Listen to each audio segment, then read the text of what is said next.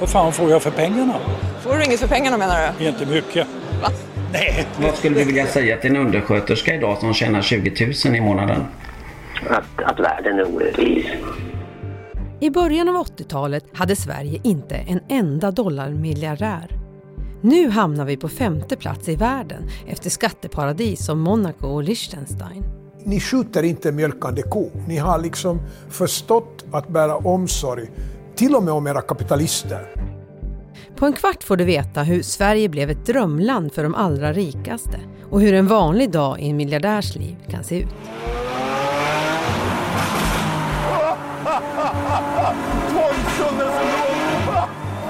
Det är onsdagen den 11 maj och jag heter Erika Hallhagen.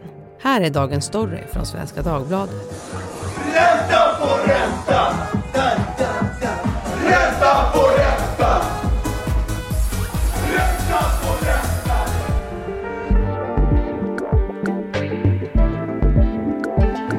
Andreas Cervenka, författare och ekonomireporter på Aftonbladet och Carl Cederström, frilansjournalist och docent i företagsekonomi. Ni har för SvD Kulturs räkning lajvat miljardärer för en dag. Är en miljardärs liv så otroligt annorlunda från oss andras? Det beror på förstås vem det är. Det finns en del miljardärer som försöker anstränga sig för att leva normala liv tror jag. Men absoluta merparten lever i en slags parallellt universum. Jag gjorde ju research på det här och eh, kastade ut frågan till personer som antingen eh, rörde sig i kretsar bland miljardärer eller som själva var miljardärer. Och eh, det som återkommer är hälsa och eh, mental träning. Så det fanns med på schemat och eh, vi testade också någonting som kallas för breathwork där man ska lära sig andas på ett särskilt sätt. In and out. Relax. Andra saker som eh, dök upp var ju en typ av lyxkonsumtion och eh, vi hade tyvärr inte råd eller tid att prova ett eh, privatjet, inte heller någon längre tur med någon lyxjakt. Men det som gick att konstatera är att det är en helt ny marknad som har vuxit fram för klockor, för lyxrestauranger, för kläder och så vidare. Jag har aldrig blivit så väl bemött i hela mitt liv. Det är nog den känslan som sitter kvar. Att det var så många som ägnade mig sin tid och uppmärksamhet och sitt yrkeskunnande och sådär. Så det, det tror jag levde kvar faktiskt flera dagar mm. efteråt. Jag har aldrig ätit en godare lunch i hela mitt liv. Aldrig kört eh, en bil som går att jämföra med den här guldfärgade Bentleyn. Jag har nog aldrig eh, haft en så bra träning som eh, den här kapten som vi träffade på ett speciellt ställe. Dit går man och tränar ensam med en tränare. Och det ser inte alls ut som eh, ett gym utan det ser snarare ut som en väldigt eh, liksom, snygg och exklusiv hårsalong. Fast utan speglar och utan stolar. Vi försökte eh, liksom, täcka in ett antal områden som är dels intressanta för miljardärer och dels eh, liksom livnär sig eller har uppkommit, inte bara på grund av miljardärer, men personer som är förmögna. Bortsett från att det här lät som en väldigt trevlig dag, varför vill ni göra det?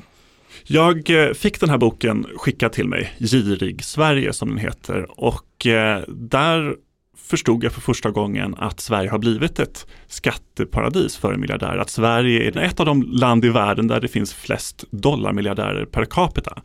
Och också att eh, det är en enorm ojämlikhet i Sverige när det kommer till förmögenhetsklyftor. Att Sverige kommer på tolfte plats i världen efter länder som Botswana och Brunei. Och det här var för mig liksom väldigt chockerande. Men det var så mycket siffror i den här boken, väldigt eh, lärorika. Men det var också en del av mig som ville försöka förstå det på, alltså bortom siffrorna, försöka förstå det kroppsliga. Hur är det att vara miljardär? Vi matas ju med bilder av miljardärer från USA, men liksom den svenska miljardären är så anonym, vi vet så lite om honom. Så att jag ringde upp Andreas och frågade, skulle du kunna tänka dig att eh, leva en dag som miljardär med mig och guida mig i den här liksom miljardärsvärlden? Så syftet var att försöka ge de här siffrorna någon slags kropp, att göra det abstrakta mer konkret. Anledningen till att du skrev boken då, Girig Sverige? Nej men jag kände, jag bodde i eh, Kalifornien i två år, i Silicon Valley och det är ju den största koncentrationen av förmögenheter i mänsklighetens historia. Men när jag kom tillbaka till Stockholm så kände jag liksom att jag kände igen mig väldigt mycket. Någonting hade hänt med Stockholm och man kände i att det finns så oerhört mycket pengar här i Sverige och alla pratade startups, eh, kryptovalutor, börsen och så vidare. Men jag kände att vår självbild har inte alls hängt med. Berätta gärna för mig, Carl Bildt, om den stora fina världen. Men berätta inte för mig om det svenska klassamhället. Jag har sett det, jag har växt upp i det, jag hatar det. Den gamla bilden av Sverige som ett rättrådigt Bror Duktig-land som står stabilt med fötterna nerkörda i folkhemsmyllan behöver uppdateras. Vårt lilla strävsamma högskatterike i norr verkar, utan att vi kanske riktigt hängt med, ha förvandlats till ett eldorado för miljardärer. Hur skulle du beskriva dig själv som person? Väldigt vanlig. Så du är en helt vanlig miljardär? Ja, det är rätt. 1996 fanns det 28 miljardärer i Sverige. Idag är de 542 stycken enligt Cervenkas beräkningar. Och fler blir de. Enligt samma statistik får vi 10 nya miljardärer för varje månad. Och andelen av ekonomin som ägs av den rikaste promillen i Sverige är högre än i USA. Medan de rika har blivit allt rikare har de fattiga blivit allt fattigare. I fjol kom siffror från SCB som visade att andelen svenskar med låg ekonomisk standard var den högsta någonsin och för första gången överskred 15 procent av befolkningen. Inte nog med att vi har väldigt, väldigt gynnsam skattepolitik så får man ju dessutom hela den här välfärdskakan också. Man får en trygghet som sjukvård och annat och man får tillgång till liksom välutbildad och billig arbetskraft jämfört med på andra ställen. Eh, så att, men det är inga miljardärer som flyttar från Sverige idag utan de flyttar snarare till Sverige. Eh, en sak eh, som gäller då Sverige det är att vi har haft väldigt låga räntor. Det driver upp priset på tillgångar som bostäder, fastigheter, aktier och, och allt möjligt egentligen. Och det gör ju många rika snabbt. Och, och Sverige sticker ut och har haft en mer extrem penningpolitik eh, än många andra länder. Vi hade ju minusränta i ja, nästan åtta år. Men sen har svenska politiker spett på det där eh, ännu mer genom att då sänka skatten på, på kapital. Eh, alltså vi har ju avskaffat gåvoskatt, arvsskatt, förmögenhetsskatt, fastighetsskatt. Infört ISK-konto som är eh, nästan till skattebefriat liksom sparande på börsen. Eh, så att det här har ju spett på det ännu mer och vi, där sticker Sverige också ut. De flesta andra länder har inte gjort det här. Vi har ju det land i västvärlden som har sänkt skatten på egendom mest de sista 30 åren. Och den tredje faktorn är väl att vi också har privatiserat ganska mycket. Alltså öppnat upp välfärdssamhället för, för marknaden och sålt ut tillgångar som allmännyttan och eh, allt möjligt nu fastigheter. Och det har ju gjort många väldigt rika också. En stor fråga, men vad skulle du säga är anledning till, till det här? Nej men det är väl en bra fråga för att det här har ju skett eh, under perioden när det varit både socialdemokratiska och borgerliga regeringar. Och även socialdemokrater i koalition med andra partier. Så att min slutsats är att det finns så mycket bred politisk uppslutning i Sverige kring att det är väldigt bra med stora förmögenhetsklyftor. Det är svårt att tolka på något annat sätt, mm. annars hade ju någonting, någonting hänt. Men kan vem som helst bli miljardär då, eller krävs det något särskilt för att nå dit? Nej men det var eh, i boken så, så citerar jag en intervju med Roger Akelius eh, som är med på listan som ändå har skapat en förmögenhet på ja, nu är det väl bortåt 100 miljarder eh, på fastigheter. Han, han sa att orsaken att det finns så många som har blivit rika på fastigheter är att det är så lätt.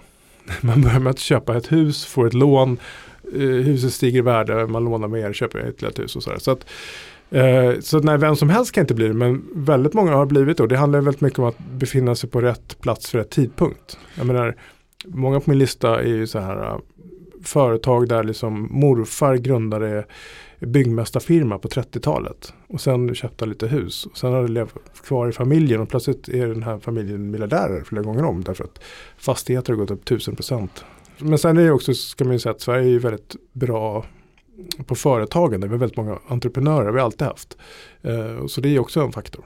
Men om man tittar på listan på de som finns, finns med där som är miljardärer så kan man konstatera att du ska inte vara kvinna. Och du ska helst inte vara invandrare om du vill bli miljardär. För att eh, det blev några nätter där jag inte kunde gå och lägga mig. För att Mm. jag blev besatt av att liksom titta, bland annat vad heter de här miljardärerna i förnamn? Och då visade det sig att eh, det är fler som heter Karl Ja, men än just vad det, det finns eh, ja. Eh, invandrare på listan. Och det beror också på hur man definierar invandrare. Alltså, det var väl kanske, är det 15 personer som har icke svensk klingande namn? Precis. Ja. Eh, så det är väl egentligen Ja. eh, ännu färre. Zlatan är ju en av dem, men han Ja. ligger ju liksom, eh, han är ju bottenskrapet.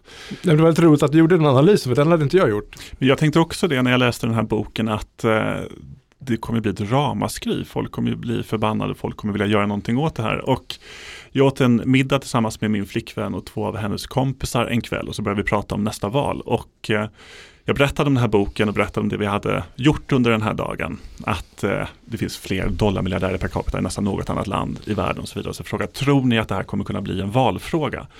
Alla svarade nej, absolut inte.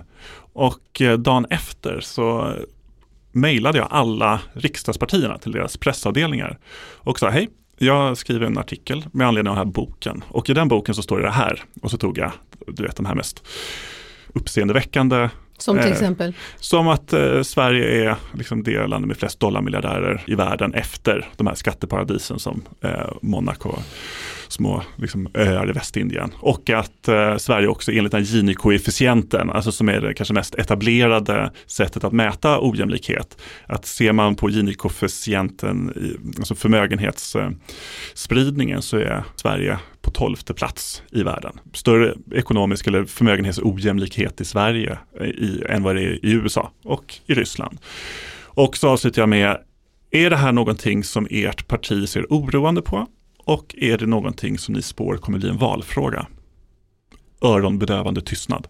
Jag tror också att vi kanske funderar på alltså antal miljardärer som liksom antal eh, guldmedaljörer i OS. Att det också finns en del av oss som, som är lite stolta över att vi har producerat så här många miljardärer och tänker att det här är någonting som är en produkt av vår, vår framgång. Alltså som en del av den här framgångsvurmen som också eh, råder just nu. Jag kallar det lite grann för lottekonomi, att alla tror att man kan, man kan vinna liksom. Eh, och då är man inte lika kritisk mot systemet. Det är februari 1997 och stämningen är upptrissad på Hennes och Maurits huvudkontor när Svenska Dagbladets reporter Lotta Welinder träffar vdn Stefan Persson. Det här är en rent diskriminerande beskattning, säger han och fortsätter. Det är som att säga att du som är rödhårig ska betala 100% i skatt, du som är gråhårig noll och du som inte har något hår alls ska ligga som svensken i allmänhet på högst 60%. Han syftar på förslaget om en ny förmögenhetsskatt som regeringen Göran Persson har lagt under den ekonomiska kris som Sverige befinner sig i. Hennes och Maurits vdn är vid den här tidpunkten god för 16 miljarder kronor. 25 år senare har hans förmögenhet växt till 150 miljarder kronor och han är Sveriges rikaste man. För Stefan Perssons lobbyism fungerar. Efter ytterligare påtryckningar i media och hot om att företaget ska lämna landet ändrar sig regeringen och bestämmer istället att den superrika grupp som Stefan Persson tillhör ska slippa förmögenhetsskatt. Det här blir början på en utveckling där den ena skattelättnaden följer den andra. Det kan ju sticka i ögonen att se någon med massa pengar, men förutom lite gammal hederlig avundsjuka, finns det något problem med att ha ett land eh, med många miljardärer? Men först måste man säga att eh, den svenska kungliga avundsjukan är en myt. Sverige är inte alls ett land som präglas av avundsjuka och framförallt inte avundsjuka mot de rika. Sverige är inte ett land där folket vill straffskatta de superrika. Så bara det ska man kanske först säga är Mm. en seglivad myt. Ja men det är jätteintressant. Och ja, vad är negativt? Jo, om vi bortser från det liksom någon slags universell rättvisenorm så finns det en hel del saker man kan peka på. Det är mycket forskning visar ju att liksom ekonomisk ojämlikhet är dåligt för tillväxten. Man kan koppla det till ökad kriminalitet eh, och sen också en ökad risk för finansiella kriser. Och det är väl någonting som kanske är högaktuellt för just Sverige. Eftersom när man får tillgångar som ökar väldigt snabbt i värde så blir det oftast hög skuldsättning och det är precis det vi har sett i, i Sverige. Eh, och det var några ekonomer på Federal Reserve i USA som kunde visa att snabbt ökade klyftor är liksom en väldigt tydlig varningsindikator för att en finanskris står inför dörren. Och det, en kris har i sin tur förödande konsekvenser som drabbas förstås de svagaste mest. Och det, vi har ju fortfarande är av 90-talskrisen i Sverige. Så det är väl några uppenbara problem. Mm. Om vi återkopplar till er dag då. Du sa att det var härligt att bli sådär väl bemött. Ja, men jag tror också att det handlar om um, vad man känner att man själv har för värde. Därför att om man gör det som vi gjorde, då, då, sätter man väldigt högt värde på sig själv, sin egen hälsa, sitt eget välmående och sin egen tid. Och det är väl den ultimata lyxen. Eh, och det tror jag kommer med att det bygger någon slags självkänsla att jag är, liksom, jag är värd det här och eh, bara det bästa är gott nog för mig. Och liksom lyckas. Och det, det är nog det som jag tror är kanske mest slående med den här upplevelsen var att det skapar liksom inte bara en socioekonomisk liten bubbla utan en liten mental bubbla. Där man är, svävar ovanför. Och det kan man ju se på en hel del miljardärer i USA till exempel. att de när de gör olika utspel så visar det sig att de har liksom noll markkontakt.